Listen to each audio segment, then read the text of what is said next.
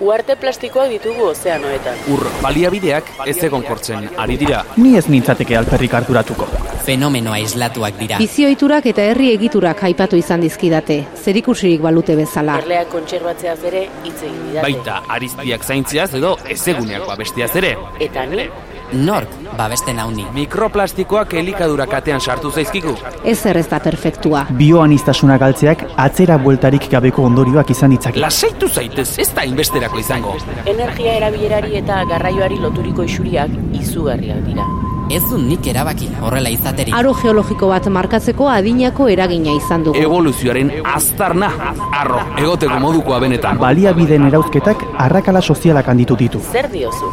Nik ez dut alakorik egin. Eragindako inpaktuak direla eta muturreko fenomenoak ugaritu dira. Nire inguruan ez dut hori sumatu. Euri azidoa bertan da. Bizitzak aurrera darrai. Bai? Ziur, Gelditu makinak. Gelditu makinak.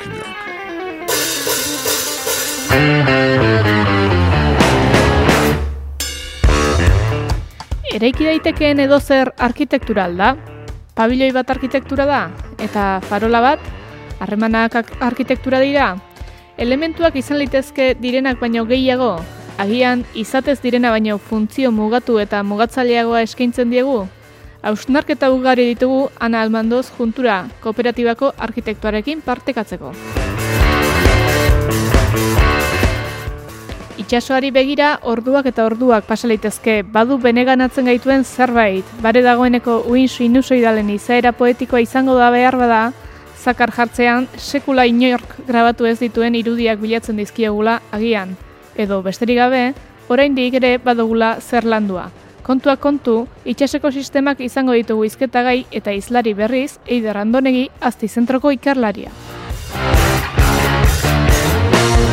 Ez da itxasoa elementu hipnotiko bakarra. Paul Nicholsonek ere hipnotizatzen gaitu, eta dena esatera hau ere ez da elementu makala.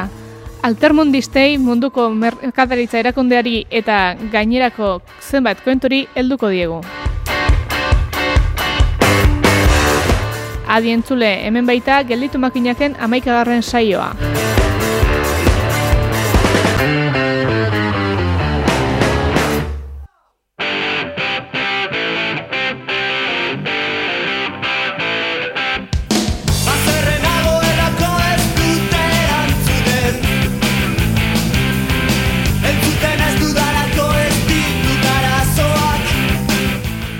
Arkitektura bidez gauza ugari eraiki daitezke eta deseraiki eta eraldatu eta tira ez naiz gehiegi luzatuko zerrenda izugarri luzatu litekeelako gurean dugu Ana Almandoz juntura kooperatibako arkitektua ongi etorri gurera. Zuk askoz ere erreixago zerrendatuko dizkiguzu eta asko azalpen hobeak emango dizkiguzulakoan, has gaitezen arkitektura zer da arkitektura? A ber, nik uste e, burura etortzen zaigun lehenengo gauza beti etxe bat dela, ez? E, jendea izaten diozunean, e, ani arkitektua naiz, ah, ba, ja, noiz iten diazune etxetxo bat, ez? Baina, bueno, nik ulertzeten bezala bintzate arkitektura hoi baino asko ze, bueno, aratago dijoa, ez? Hoi baino kontzeptu zabalagoa da. Orduan, nik esango nuke, ba, antropizatutako e, edozen gauza dela arkitektura izateko, bueno, posibilidad daukana edo. E, Hordazkau adibidez, e, obiona izango da eraikuntza ez, e, eraikinak. Baina hortaz aparte ba, daukau espazio publikoa, e, arkitektura efimeroare bai, e, paisaia gintzare bai, niretzako hiek danak arkitektura barrun sartzen dira. E, aldi berean, e, nuke esango gizakiak esku hartutako edo zein edo eraikitako edo zer gauza ere arkitektura danikan. Pixkat, a ber, mm, zabarra da, baino esango nuke, ba, pixkat testo bat eta literaturan arteko diferentzia bezala. Hor intentzioak ere baduka e, zer ikusia. E, azkenean, ebai, e, galdetzea, baina zuena zer da, zientzia da, e, artea da, eta ba, netzako ere bien arteko elkarketa bada. Zuk azkenen, eta itzulita literaturan konparaketa harta edo, jakin behar dezu zientzia, ez? E, gero aplikatzeko, hau da, gramatika ezagutu behar dezu lehenengo, gero horrekin ze efektu bilatzen dezun edo, ez? Jakin behar dezu eraikitzen, lehenengo gauza gero efektu bat bilatzeko eta horren bila, horren bila juteko edo. Beraz, badabuka intentzionalitate bat eta arkitekturak izan dezake izaera politikorik. Bai, bai, noski, dana, dana bezala. Azkenean e, arkitekturak ba, espazioak initen du lan. Eta espazioa eta boterea oso, oso modu estuan edo daude lotuta. Azkenean e, horren eta eskala guztitan. Igual e, ezagunena edo, bueno, begibistako nahi izan deteke geopolitika, bea, baina eskala guztietan ikusten dugu, inkluso zu autobusean esertzen zeanean, da aldameneko tipoak hankazabalduta, zure espazioen baditzen duen hortan, horrera ikusten da espazioa eta boterean arteko lotura, ez? E, eta, bueno, hori argi dago, e, boterea daukana kontrolatuko du espazioa eta espazio hortan pasatzen dana, baita zeinek erabiliko duen, ze funtzio izango duen, eta ze ezaugarri izango ditun. Segunda zein entzako dan, espazio hori, ba izango da e, handia, erosoa, edo izango da txikia eta inork sartu nahi ez egongo da oso leku adierazgarri baten, zentrala, edo egongo da iskutun, e, material garestik iningo da, edo ez. ez horrelako gauzetan ikusten da bai, botereak eta hortaz politikak ze, ze lotura daukan arkitekturarekin, edo bueno, orokorrean e, inguru fisikoa eraldatzeakin dau, zer ikusi daukan edo zerrekin. Izan liteke, izan lezake beraz, izaera bat, baino era berean ez aldaude elementu batzuk unibertsalak direnak, alegia e, banku bat, e, esertzeko leku bat da, skate parke bat dago, skate egiteko dena eta ez dena beste zertarako, horiek ez aldira, horiek ze intentzionalidade izan dezakete. A ber, nik uste hau daula, ba, alde batetik industrializazioarekin lotuta, eta horren arira, ba, e, sango dugu, gehi mendean hasieran bai izan zala iraultza bat, e, kotxearen agerra, agerra, agerra, kotxe agertzak. Ez? Eta horrek e, karritzuna zane bai, ba, e, ideologiaren aldaketa bat. Orduan jendeak, bueno, osea, mundua beste modu batera e, ulertzen, edo, hasi zian. Azken finean, oain kotxarekin zegoen aukera askozera azkarrago mugitzeko alde batetikan bestera. Orduan, e, garaiko irigintzak, modernismoa edo, e, esaten zuna, bueno, orduan goazen separatzea e, lanlekuak, diana e, ba, fabrika oso kutsakorrak eta bar, jarriko ditugu punta baten, beste punta baten biziko geha danak e, posposik eta kutsadurari gabe, eta beste punta baten jarriko dugu ba, denbora libra pasatzeko e, guneak, ez? Azkenean egite zana ba, pixkat iria e, funtzionara bera separatu eta e, bueno, kotxea momentu hortan zanaz e, panazea bat edo, ba, kotxe bidez oso azkar moituko zian alde batetik bestea, baino hori ja, bueno, demostratu da ez dala, ez dala, ez dala bate bizigarria, ez? E, horren adibide, edo horren kritikari ezagunenetako bat izan diteke Jane Jacobs, dala e, New Yorkeko e, bueno, emakume bat izan zen, berez e, karrera edo, bueno, formakuntza aldetikan, etzan ez e, irigintza alorrekoa, ez arkitektua, baina berak e, oso gogorredo kritikatu zitu, ba, momentu hortan, e, auzo ezberdinetan aurrera eramaten aizian, e, ba, plan desarroistak. E, pasate zituztenak, errepideak, ba, finkatutako auzoen erdit, erditik, ba, jendea desplazatuz eta bar. Eta, bueno, beak esatezunen azkenean, e, funtzionalismoa hain nitsututa zegoela funtzionala izaten, aztuzula benetan hiriek nola funtzionatzen zuten. Osa, zintzen irian logika naturala ez dela berez nasketa. Osea, funtzio nasketak egiten du iria, ez ez e, separatzea, osea, gehitzea baino se, separatu ta edo, ez? E, eta nik uste torren adibide nagusia izan daitekela ba, aparkaleku bat, ez? Osea, aparkaleku, kaleko aparkaleku bat, baino espazio monofuntzionalagorik ez dago. Osa, da, partzela bat, bi metro terdi bider bostekoa, eta uzten dizuten bakarra, hor, iten uzte dizuten bakarra da, e, kotxe bat aparkatzen. Eta zukuk izuzekezu hor, hilabetetan. Eta hori, onartua dago. Baina, nire okurritze bat zaite egun batez jaistea eta sofa bat jartzea, seguruna, du iraungo horrek, ez? Orduan da, ze, ze erabilera onartzen dira, zeintzuk ez, ze baloren arabera, ze, mm, eta balore horiek, e, zein funtzio, eta ze bizimodu hori lotuta dauden. E, eta eta bueno, horri lotutare bai, ba, patio patio patioekin goatzen naiz, ze orain emateu, bueno, modan dago ba, eskolatan eta patioen inguruko ausnarketak bultzatzea.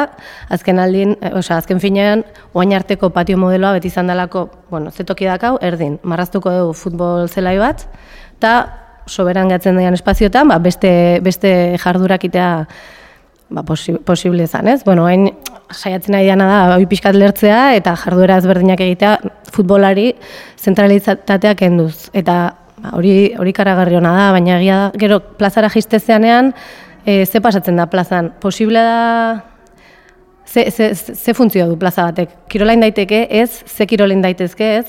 Askotan ikuste dugu, e, adibez, ba, plaza oso txikitan, igual futbol partidak antolatzen diala, ume oso txikiek, baina ematen du horrekiko badagola nola baiteko excepzio edo ez? E, idea bat, futbola igual bai, baina beste kirol batzukin etzan, etzan utziko, orduan horre bai konflikto badago, eta nik uste hori hori nola kudatu ere interesgarria dela, ze ezin dezu ere esan, bale, bat futbola fuera, zeratik futbola ez, fondoa, baino, baino horren atzean dagoen galdera ere bai da, zeratik han futbola bai, eta beste, beste aktibidade batzuk umeoi di, ez geniek eutziko egiten, ez? Orduan, bueno, pixkat komplexua da, baina nire ustez oso ez da bai da interesgarriak eman ditzake, eta hori azkenean errezeta batekin eh, konponduko ez dianak, bezik eta kasun-kasun eta negoziaketaren bidezko nik uste prozesuak e, eman daitezkela eta hori izan beharko zala bidea, ez? Beraz, eh, espazioen erabilerari dagokionez, kudeak eta nolakoa beharko lukeela edo irudikatzen duzu? Ba, ba hori, e, hitz egiten ez bat da, nire ustez, e, daude edo debekuak, edo bestela inertzia, hitz egiten ez dian inertzia horiek jarraipenak. Eta nik ez daukat errezeta bat, baina iruditzen zait, e, toki egingo egin beharko litzaiokela, ba, pixkat e, mentalidadea ireki eta negoziatzeko aukera horri ez. Ba, guazen danon artean ikustea zein daiteke plaza hontan, zein nahi dugu, eta bar, izan gabe zeo zeo oso tajantea, edo kanpotik etorriko den errezeta bat, edo edo lakorikan.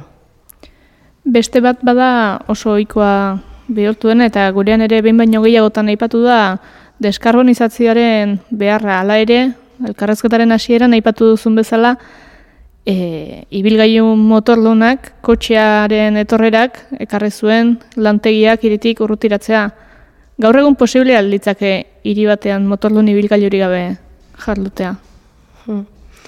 Claro, eh Oia, ez, azkenean ematen du, ah, e, gasolina txarra da, ordu ningo ditugu kotxe berdinak, errepide berdinetatik handi joaztenak, baina bain elektrikoak, e, baina ikusten nahi gau bertan, horreke bai kolapsora eramango gaitula. Azkenean, hori baino aratago da, ze modelo bultzatzen dugun.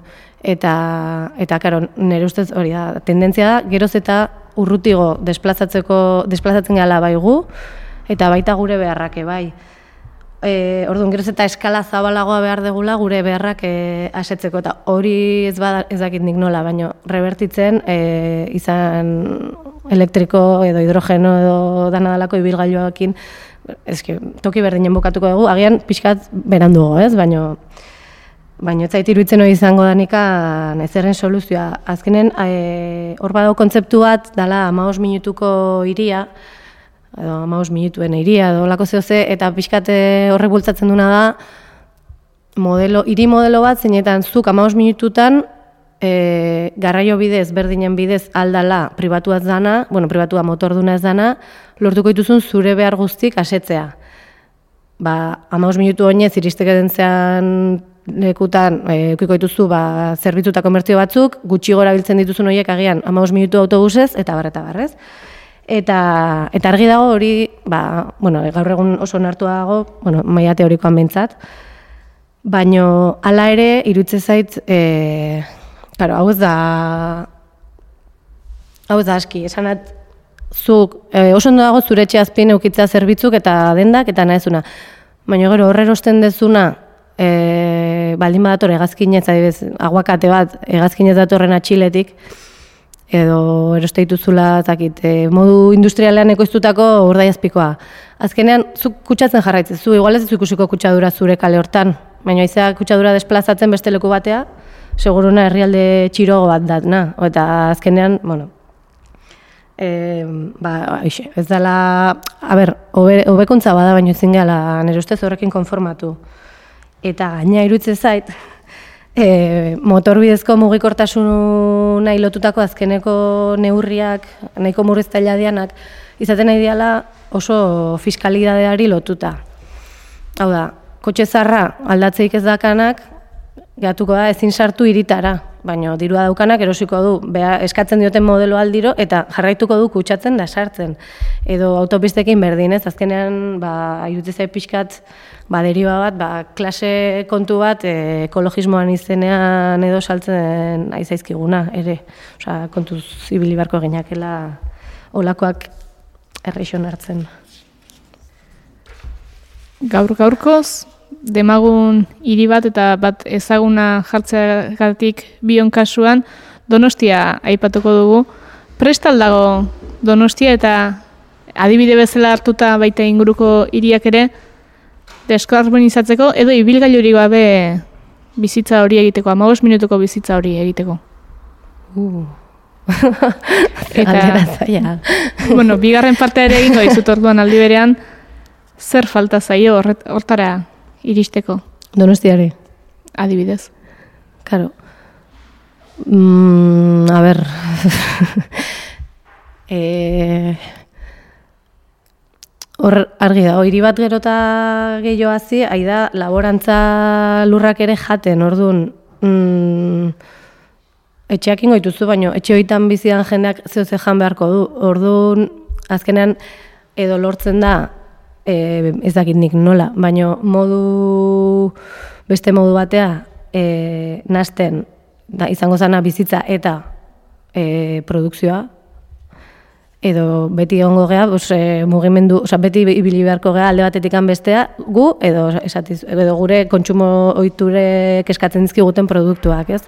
Orduan nire ustez, ba, bai, bizkate nasketa gehiago egon beharko zen, e, lehenengo sektorea ez dadin geratu, ez dakit zema kilometrotara iritatik, hori azteko, bigarren sektorea bai, eta irugarren ere bai, eh? baino, baino, bai, bai, askotan irutu zait, ez gara oso konstiente, e, gure elikagaiak eta nundik handatu zen, eta, eta bueno, eko erosita mateuia badala, baino, baino ez da, ez da egia. Osea, gu gutxi gomoituko gea, baino geho eta gehiago moitzen dira gure elikagaiak. Gogoetari segika jarraituko dut pixka batean, zer paper lauka e, arkitekturak hiri bizigarriagoak egitearen helburu horretan? E, bai, a ber, badauka papera, e, do izan dezakien, ere ustez pixkate ba, komatxo arten kom, e, arkitektura feminista bezala, ez? E, izan daiteke paper bat e, zeinetan hartzen dian intzpotolonak eta betiko aiten jarraitzen dute gutxi gora bera, daitezke gauzak pixkatu beto edo ez da hori ere ez. Orduan, eraikuntzai behiratzen badiogu, bagia da badala sektore bat daukana sekulako pixua e, kutsaduran, osea, karbono isurketen uste teuneko berrogeia edo izango dela, eraikuntzai lotutakoa, orduan, eta baita hauren kutsadura, ondakine izugarri pila sortzen dira, orduan noski, zer ikusi dauka nola eraikitzen dan, e, ba hori ez, ez zehoze jasangarrigo, bueno, mundu mailan edo jasangarritasuna lortzea bidean, baino ezin geha arkitektura eraikuntza hortan, oza, askotan saltzen digute, ah, bida, eraikin hau, e, berdea da, ah, bida. Azkenean, beste modu integralago baten behidatu bartza jore bai, ze, e, bale, adibez, nik indezeket eraikin bat, dana e, zero, zero emisioitako bat. Eta horiekin, indetzazketo gehi, eta hori da auzo bat, bale, baina auzo hortara, iristeko betire, kotxea behar badet, eta eta ez baitut kontutan hartzen, adibidez, ze konsumoitura azkenean, ba, ba, bale, mm, zeo zeo betu dez, baina partxo bat izaten jarraituko du ez. Eta, eta hoxe, azkenean enfokea izaten da askotan oso oso oso teknokratikoa, ez? Osea, lehen higienismoak hartu zu moduan edo e, lehen aipatu duten mugimendu modernoak ematen du ba errezeta batekin ja dena soluzionatuko degula oso modu sinplean eta zuzen eta bueno, hori eske ez da existitzen azkenen. Eh, iriak bizi garri egite asmo horretan edo peintza bat e, jasangarriagoak izate horretan, arkitekturak baldu harremanik bestelako zientziekin. E, bai, bai, noski. E, azkenean, eta jasangarritasunari lotuta, bai, inguru giro, ingurumen zientzietako kontzeptu asko haidia gointxe e, gure lanean sartzen, ez? Ba, lehen aipatutakoa, ba, izan diteke, e, zenbat emisio, ze emisio daukan, e, eraikin batek, edo ze energia aurrezteko e, gaidan. E, baina, bueno, nik uste bai, e, zingala zentratu beti oso ikuspegi zakit, e, zientzia purutatikan e, pixka pobra izaten dela. Orduan baitaren erustez interesgarra izan daiteke ba, gizarte zientziatako ikuspuntuak ere txertatzea e, izan daiteke bezala ba, antropologia espaziala, ez? Ze askotan faiatu izan dunak errezeta bakar horrek edo, ez da, bueno, planteatzen dela oso problema simplea eta diseinuaren bidez automatikoki soluzionatzen dana, ez? Osea, diseinu determinista ditzen zaiona. Nik diseinatzen bad eta hola taula eta hola jendeak hori erabiliko du nik pentsatzen bezala hola hola taula. Eta gero, ai ba, faiatu indu. Ta uzatatikan, ba, agian planteamendua zalako simplistegia, ez? Eta zentzu hortan, ba, irutze zait, e, badago ikuspo, ikuspegia e, komplejizatuta eta, eta galdetuta ber baino erabiltzailea benetan da hain estandarra e, hain predeziblea edo pixkat anitzagoa da kaotikoagoa da zegaitik erabiltzen dute pertsona hauek espazioa horrela zaitik beste hauek horrela eta bar, ze behar dauzka batek besteak ez e, bai nik uste hor badagola bide interesgarri bat edo bueno, niretzako interesgarria dena pintzat Zalantzari gabe. Mila, mila, mila esker, ana gurean izateagatik, azlare azken hitza eman nahi nizuke, zerbait esateko hori gehatu baldin bazaizu edo, ez da hila behintzat horka hoian fasa, balduzu. E, e, ez, e, eskerrak eman eta... eta bixe. Ba, horrela ere eskerrak eman da, mila, mila esker gurean izateagatik, ana almandoz, arkitektua, urren arte. Eskerrak asko urren arte. Gelditu makina.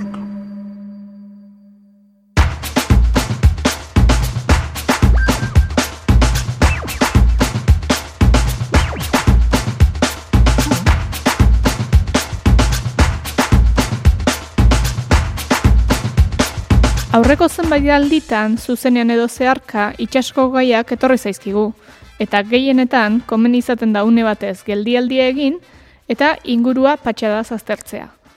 Gerora etor litekeena hobeto ulertzeko erraminta bikaina da analisia. Dakienari jaramon egitea bezalakorik ez dagoelako gurean da eider randonegi aztiko kidea, arrantza jasangarria arloko ikerlaria eta itxaseko sistemetan aditua. Ongi etorri eider. Ongi etorri. Kurrikulum luzea dezu.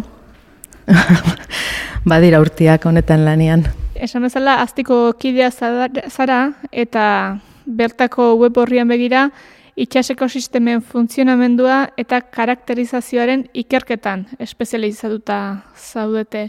Ziurtatzen dezue, egitura eta funtzionamendua ezagutzeari esker, ingurunea eta baliabideak hobeto kudeatzeko aplikatu izango dela. Beraz, ingurune batek, galdetu nizke, ze ezaugarri beharko lituzken ekosistematzat ar dezagun. Ba, ez nuke jakingo esaten e, ezaugarri bat bi edo hiru. Azkenean ekosistemak e, ingurune jakin bateko osagai fisiko eta bizidunen eta elkarren arteko harremaneak osatzen duten sistema ekologiko bat besterik ez da. Beraz, e, badaukagu e, ekosistema handiak, ekosistema txikiak, adibidez aintzira txiki bat, gure herrian topa egun potzutxo bat ekosistema bat liteke, ze badako e, osagai fisikoa, ura, bea, eta badakagu normalean, badakagu bizitza bertan, e, bertan osatzen denara. Bestalde, ozeano osano bat, osano zabala ere, beste ekosistema bada. Ez da koser ikusirik, potzotxoakin, baina ekosistema bada. Eta ekosistema horiek bereizteko modurik bal dago?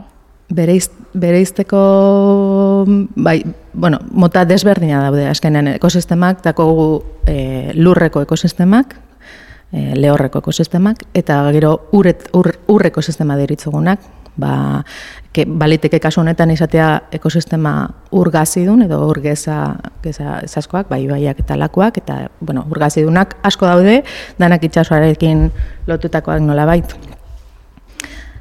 Itx itxas ekosistema bereizteko osagairik garrantzitsuena gatza, urgatza, gazitasuna. Eta zuen lan metodologiari begira nola egiten duzue lan? Alegia, ze metodologia baliatzen duzue itxaseko sistemen funtzionamendua eta euren ezaugarritzea ikertzeko? Ba, badaude aproximazio asko.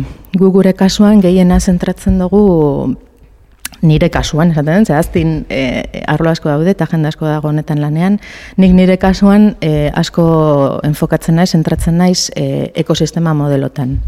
Hau nik dia mat, modelo matematiko, erramienta matematikoa diez, e, non saiatzen gara simulatzen zer gertatzen den hor kanpoan. Zer gertatzen den ekosistema e, batean. Definitzen dugu e, ekosistema horren eremu fisikoa, geografikoa, eta hor barruan ba, ze kondizio fisiko dauden, hau da temperatura, e, gaztasuna, pH-a, bueno, e, korronteak, eta bar, eta gero e, ze bizitza dago hor barruan. Bizitza ez bakarrik arrainak, baizik eta itsasoan dagon beste bizitza, bizitza mota asko bakterietatik hasita, e, e, goi depredatzailearen e, e, goi depredatzaile eta iritsi artean. Eta nolako ekosistema genukela esango zenuke Euskal Kostaldean edo Euskal Urgezetan? Ungazitan, barkatu. Ba, hemen e, Euskal Kostaldean, bueno, Bizkaiko golkoan, e, da, badaukagu influentzia asko golkoko korrontearena, orduan, e, azkenean bere latitudean tokarko litzaken baino temperatura altua xeagoak dazkagu, eta, eta horrek bai eragitzen du mediterraneoaren antzeko bizitza tipo bat izatea. Osea, dau bio- biodibertsitate nahiko dau, e, dibertsitatean iztasun handia dago, Eta gero gure ikerketak e, gure modeloak aplikatzerakoan ikusten deguna e, da ba dela e, ekosistema bat ondinok e, ma, ma, maduratzen edo dagona, Eltzen ari dena, bai, ez? heltzen ari dena, ez da, ez dakit euskera zelan esan ondo, baina bai, heltzen ari dena. Ondinok ez dau bere bere heldutasun e, puntu handienean. Eta bai dakigu ere, e, ez bakarrik guk, guk e, proiektu batetan aplikatzen ari geran erramentekin, baina, baizik, bai, baina baita ere literatura topatzen dugun informazioagatik, e, oso garrantzitsua dela hemen e, low trophic levels deitzen dana, hau da planktonak e, e, ni, nivel trofiko be, behan dauz, dauzenak, ekoiz, ekoizleak kasu honetan, e, eta gero planktonak eta eta pelagiko txikiak, antxoak eta sardinak eta honek daukaten rola ekosisteman. Osea, bai gene, eh, esan genezake, eh, inglesez da bottom up up driven, osea, dagola, eh, ekosistema dagola eh, aginduta, zer esan, eh, be, beko, beko, beko nivel trofikoen dinamikagatik. Bestalde, bueno, bale, elementu biologikoak edo aipatu ditugu, hala ere, hainbat aditu azpimarratu izan dute ozeana, ozeanoak polimeroz, plastikoz, mikroplastikoz betetzen ari garela, baita bestelako kutsatzaileen presentzia ere gero eta handiagoa dela, farmazeutikoena adibidez. Horrek nola eragiten du zuen ikergaian? Ba, behitzu, e, gu azkenen tra, e, e, arrantza sail bat bezala sortu ginen, gehien bat, eli, elikaduran ere e, lan egiten e, dugu, aztein, baina asko arrantzan zentratuak e, gaude. Orduan, tradizioz, beti, e, eta bueno, arrantza izan dalako gehien bat, e, ba, orain arte, bueno, igual e, e, gizakiak e, itxasuan eragin duen e, aktivitate nagusienetako bat, ba, horren ondorioz guk gehien bat arrantzaren efektuetan zentratu izan gara. Baina bai da egia, e, azkenengo urtietan ikusten are garala, e, ja, bueno, ja bada urte desente, kostaldean dagoen presioa gero eta handiagoa dela, turismo gero eta gehiago, e, gero eta jende gehiago joaten da kostaldera bizitzera, horrek dakarren e, eraginekin, e, itxas garraioa ere gero eta garrantzitsuagoa da, leku batzuetan batez ere, eta horrek askenean zuk esan duzun bezala, ba, eragin badako e, ekosisteman. Guk orain bertan, e, arrantzaren eragina ikusten dugu, e, oso erraz, modelu hauekin, eta eta ba, eta badaskago ere proiektuak ikusten e, bueno, aztertzen zer nolako eragina dauzkaten e, plastikoek. Gero, e, kostaldeko zonan beste arlo, e, aztiko beste arlo batean, badauz proiektuak ere ikusten e, beste presioek zer eragin dakaten. E, egia da, azkenean hori presio akumulatu bat bezala dela. Ez da, e, arrantzak hemen hau egiten du bakarrik, sino que azkenean dauz, e, dauz e, aktibidade asko horretan, horretan e, e, ba, zer ikusia dakatenak edo influitzen da benak azken batean. Gu orain bertan, e, e, bai beste proiektutxo baten gauza aztertzen e, arrantza eta turismoaren e, eragin batu hori. Baina orain dikan ez dakagu emaitz zuzenik. Egia da, azkenean ekosistema bera aztertzea oso, oso komplexua da, eta, eta gizakia ekosistema horren parte sartzen dugunean, areta komplexuago gero eta gero eta aktibidade gehiago eitzen dugu itsasoan, presio gehiago eta eta eta ez da ez da ez da batera erresa. Eta orain bertan gainera, e, itxasoa kudeatzen den, itxasoko e, baliabidea e, kudeatzen dian eran, ez da hori dana kontutan eukitzen kontutan eukitzen da bakarrik espezie bakoitzaren arrainen kasuan, espezie bakoitzaren e, dinamikak, zer nola di joan, e, ondo baldin badi joa e, kaptura handiagoak e, e, permititzen diez, ez bada, ez bada ondo, ondo joaten kaptura murrizten diez, errapaketak, baina, baina beste dana ondinok dau bueno, ikasten, ikasten gabiz. Beste kontu bat da, eta orain jakin deguna, golkoko urepela aipatu dezulen, eta golkoko korronteetan hain zuzen ere Euskal Herriko klima epela ziurtatzen duen faktore garrantzitsuenetakoa dena, haultzen ari dela eta kolapsatu egin daitekela. Ekosistemek izango aldute egokitzeko abagunerik hemen? Ikusi dugunez, itxas ekosistemak badirudi e, lehorreko ekosistemak baino erresilientzia gehiago dakatela, hau da, kapasidade gehiago dakatela, e, ba, perturbazioaren bat sufritzen dutenetik errekuperatzeko, ez? Ba, dibidez orain, e, hori, endako un sumendiak ere, ba, e, badauka itxas, itxasoan eukiko dau e, reperkusiorik, eukiko dau eraginik, baina, baina badakigu urte batzuk pasa eta gero, pentsatzen dugu, bai dagoela errekuperatzeko eh, er, errekuperatzeko opziorik. Egia da, segun eta ze ekosistema eta ze landan bere funtzionamendua, ze, ze anitztasun biologiko eta ze anitztasun funtzional daukan ekosistema horrek, ba, lehenago edo beranduago edo gehiago kostatuko zaiola hortikan ateratzea, baina, baina normal, guk espero dugu e, eukiko da bela nondik e, errekuperatu.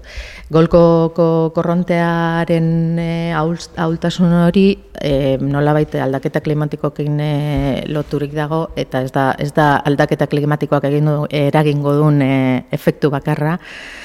Esperantza badaukagu e, hortikan aterako aterako dela horren e, or, reperkusio horren hortikan aterako dela, baina e, nik uste zematetal harinago ipini e, lanean, hobeto, harinago hori, azkenean efektuak ahultu baditzazkegu asko asko ere hobeto, zenbat eta harinago hobeto. Bestalde Ider galdetu nahi nizun, bueno, zuek azti barruan baitu zue zenbait proiektu zue, zue garatzen dituzuenak eta baita bueno, talde zabalago batzuekin ere kolaborazioan ibiltzen zaretenak eta galdetu nahi nizuke ea ze proiektutan zabiltzaten e, itxaseko sistemak ikertze aldera. Bai, ba hor bakagu Abaniko handi bat, e, mota askotako, askotako proiektua ditugu, eta azkenean e, batzuk igual arrantzare gehiago enfokatuta, baina da, daude azkenean lotuta e, itxaseko sistemekin e, nola bait. Baina itxaseko sistema sail barruan igual e, astartzen dugu gehiago zelan funtzionatzen duten ekosistema horiek, ze, e, ze egitura dakaten, sartan komposatuta dauden, ze instituzioen osagai nagusiak, eta eta sentzu horretan e, nahiko berria da azken urtietan e, e, lortu ditugun proiektu batzuk e, gehien bat sistema mikrobianoa edo e, aztertzen dutenak. Horrez dakagu hastin tradizio handirik, baina azken urtietan e, esfortzu asko ari gera horretan sartzen. E, gero bestalde badauz e, proiekt, beste proiektu batzuk, ba, ni dakat bate Espainiar e, gobernuak e, e, bultzatua, bueno, e, ordaindua, e, non ari garan aztertzen ekosistema pelagikoan zer eragindakan e, izan leiken arrantzak eta baita aldaketa klimatikoak ere. Horretarako erabiltzen dugu ze, e, hori, er, e, ba, erramenta matematiko hauek, lehen esan dizutenak, e, modelu ekosistemikoak, eta ikusten dugu, e, lehenengo aztertzen dugu zer nolakoa da gure sare trofikoa e, e, gure, gure itxasoan, bizkaiko golkoan osorik, bai frantziar eta bai es, e, Espainiar kantauri kosta aldean, eta, eta bueno, or, osatzen dugu gure sarea, ze espezie dauden bertan, fitoplaktonetik, ekoizleetikan e, ba, izurdak eta baletar arte eta itxastxoriak ere sartzen ditugu. Eta, eta horre, eta ze, zer erlazioa dauzkaten beraien artean, e, ba, beraien dieten, dieten bitartez, ez? Zer, zer jaten duen zer eta, eta, eta zenbat.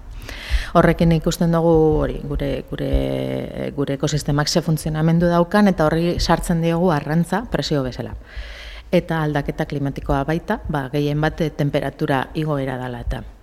E, eta, eta, eta horretan e, bagauz ere emaitz politak ataratzen, atara pare bat artikulu ere atarako direz, eta bueno, hori da, hori da nik gehien kontrolatzen duten proiektua, baina gero badauz beste proiektu batzuk, ere astartzen hori garanak e, zelan erabili daiteken genetika, teknikak, e, arrantza kudeak eta hobetzeko, eta ere bai e, natura, natura sareakin lotuta dauden e, e, e, proiektuak. Gero badago beste sail bat astin ere asko, asko lan egiten duna eko, ekosistema kudeaketan eta da kostal, igual kostaldean gehiago, ze azkenean hor daude e, presio gehienak, presio desberdinak eta gehienak eta hor badakago ere arlo, arlo potente bat e, Marine Spatial Planning ditzen dana edo edo ez dakit itxasoko e, planifikazio espaziala ditu genezak euskeraz. E, azkenean nahi duguna da pizkate ordenatu edo ikusi zer nola sekabia daukaten e, ba, azkenean gizakiak e, itxasuan dazkan aktibitate desberdinak ekosisteman impactu minimo bat edo, edo hmm. gogoetara bide eman nahi dizut nola bait, eta okorritzen zitzaidan galdera antropozentriko xamarra izan liteke edo ala iruditu dezake, baina ze nura dakartza itxaseko sistema osasuntxu batek? Zertarako behar du itxaseko sistema osasuntxu bat? Ben, azkenean, e, guk zertarako behar dugun itxasoa, ba, berataz disfrutatzeko, ez? Azkenean, e, ekosistemak, e, ekosistemen funtzionamendua eta e, e, egitura mantentze horren atzean, e, erabate, bai, pixkate nahi antropo, antropozentrista bat dago, azkenean e, guk e, zerbitzuak nahi dugu. Ekosistemak zerbitzuak eskaintzen dugu, e, e, eskaintzen dizkiguz.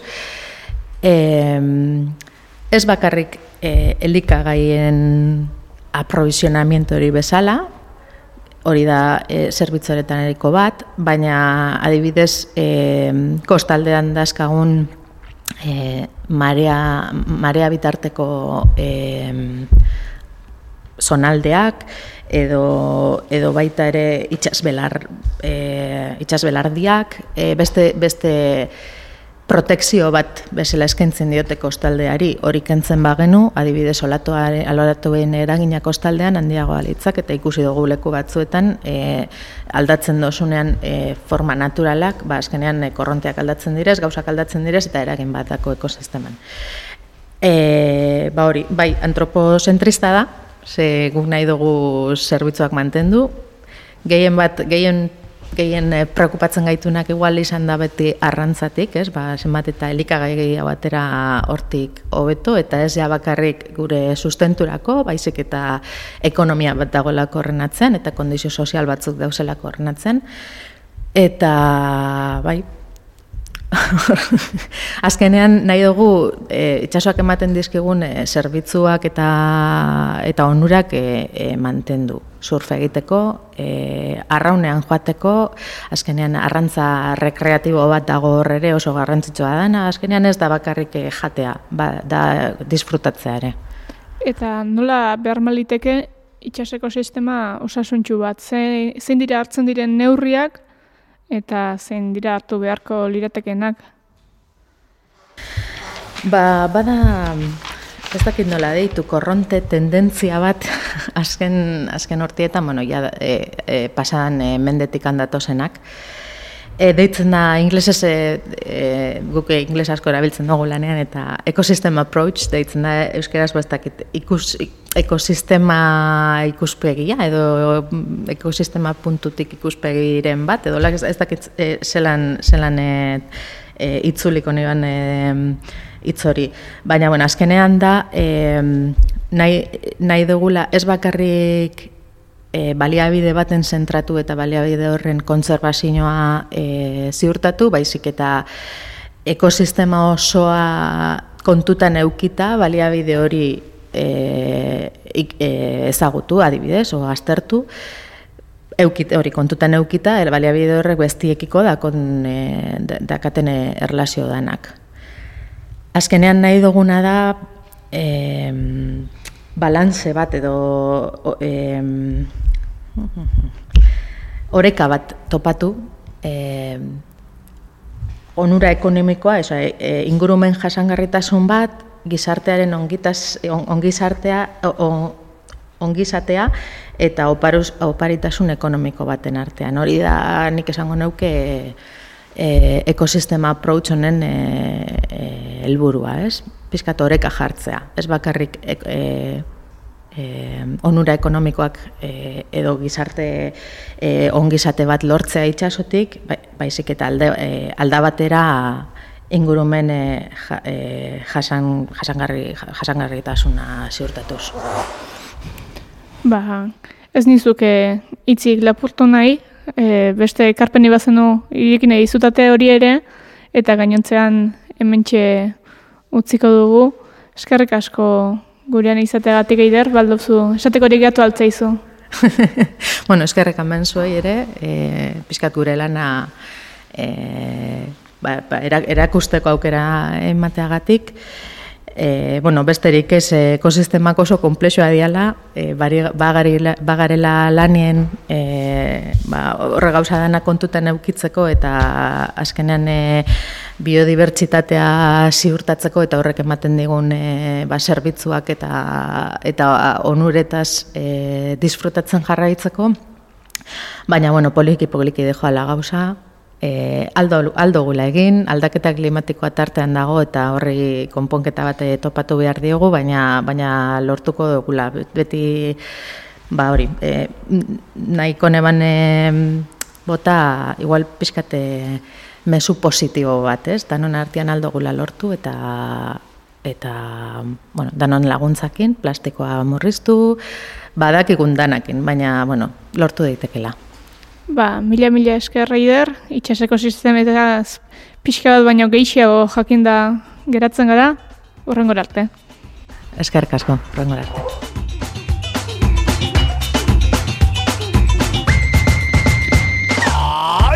Gelditu makinak. Naiz irratian, Eli Pagolarekin.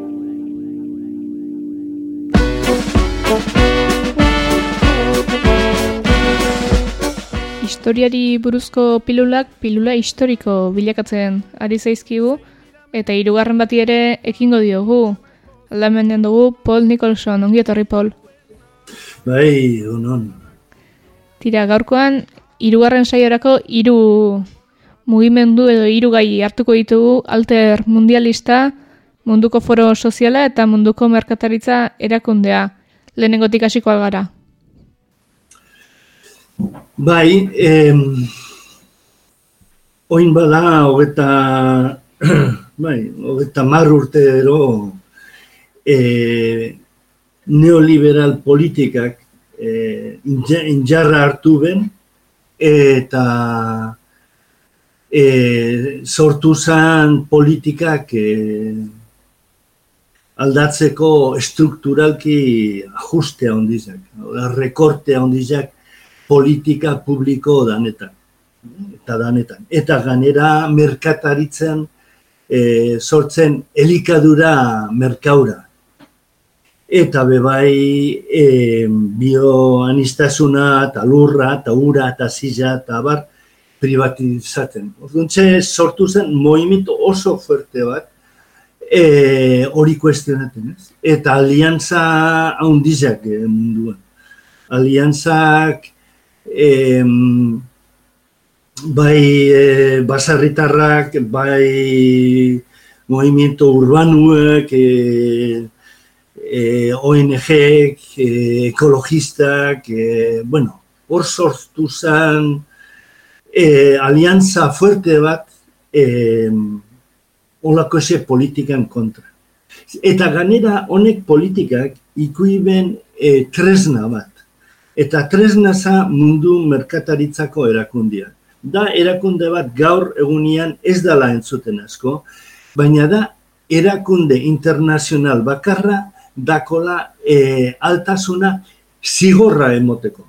Eh? Dako e, aldau e, eta hitzen dau e, korporazioen alde. Eta dakoe komisio bat juezena eta hor esate baterako e, e, Euskadiko jaurlaritzak ipintzen badau politika ingurukirukua e, espeziala eta badoia enpresa baten kontra e, horrek enpresiek aldau iruan Euskal Jaurlaritza e, or, komisio hor tribunalera eta Euskal Jaurlaritzak zigorra hartu moda. Eta hori gertatu da Kanadako gobernuaz eta mundu osuen. Orduntze, e, mundu merkataritzako erakundiak nahi dau zabaldu ekonomia osua, merkau osua, eta ipini balizo bat e, produktu ondanari. Eta, klaro, eskubidiak eskubidiak diraz. Eta merkaua nahi ben, eta zarritan lortu ben, e, ipintzien merkaua eskubidien ganetik. Hori sortu ban kriston movimentua, eta e, munduko merkataritzako erakundien konferentzizetan, pues, Seattle, ero Cancun, ero Hong Kong, mobilizazioa ondizak. E, Gehienetan basarretarrak eta biak kanpesinak e,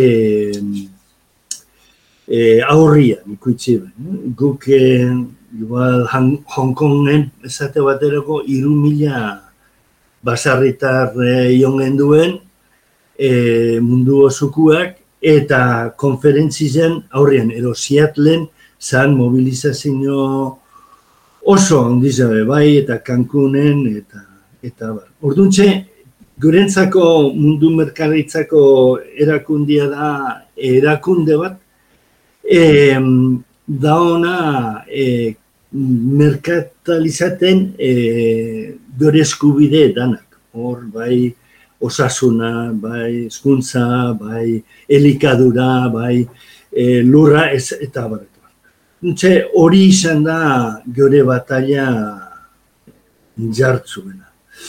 E, eta hori antolatzeko, bai, sortu zen movimento bat, e, foro sozial mundiala, eta hasi zen Porto Alegre, lehen gokuak zirien Porto Alegre, gero Mumbai, gero Bamakon, eta horri inguruen, e, bueno, batuten zen e, aktivista, munduko aktivista, e, pidoa.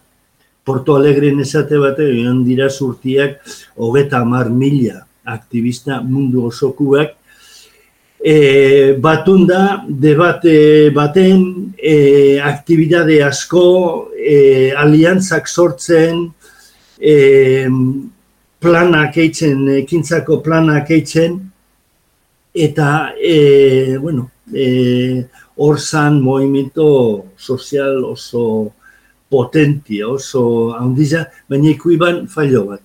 Eta berriro, e, zan foro, debate foro bat. Eta ez ban ikui e, ambizio politikua lortzeko e, ekintza konkreto bat, e, lortzeko estrategia konkreto bat.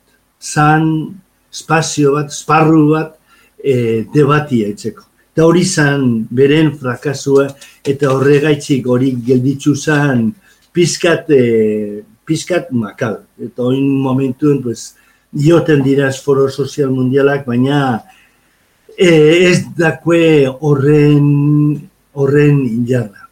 Eta gaur egun nun gauz hau movimentuan, ez? Em, nire ustez, e, momento historiko diferentia da, e, burrukak asko be konkretu hau eta lokal hau diraz, represinoia asko be handizao da, eta ta, em, e, ez da ez da hain errez batutia horren beste jente eta sortzia olako zein jarra eta bueno, beste beste arnaza bat, ez? Oin borrokak diaz askobe konkretu hau, eta nire ustez klima aldaketa da e, zentraten dagoena borroka handizena. E, eta Glasgow esate baterako arazo asko joan diraz, ez bakarrik COVID daitzik, baina arazo asko joan diraz, benetazko movimento sozialak eltzia Glasgora. Izia ez dira zeldu e, ez bakarrik e, COVID-en arazoak, baina be, bai, diruen arazoak, permisuen arazoak, bizan arazoak.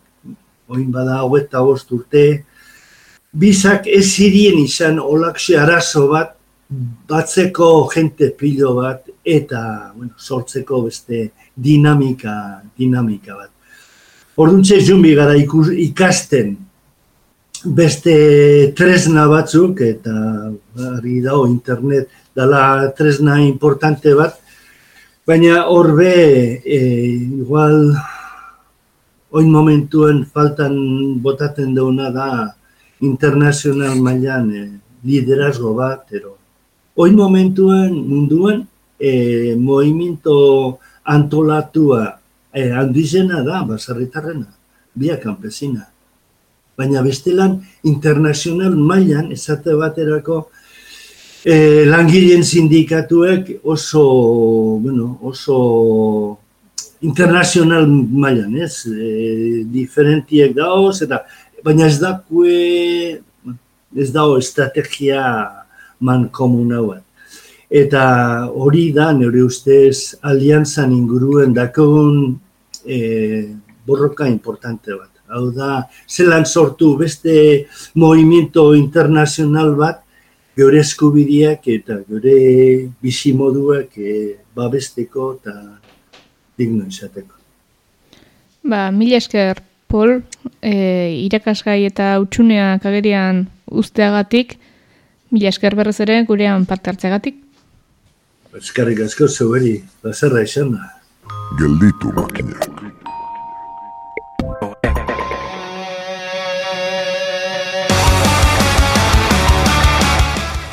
Bueltan bueltan, iritsi zaio amaika garrenari agurtzeko ordua dizkide. Gaurkoz, onaino, ongi izan.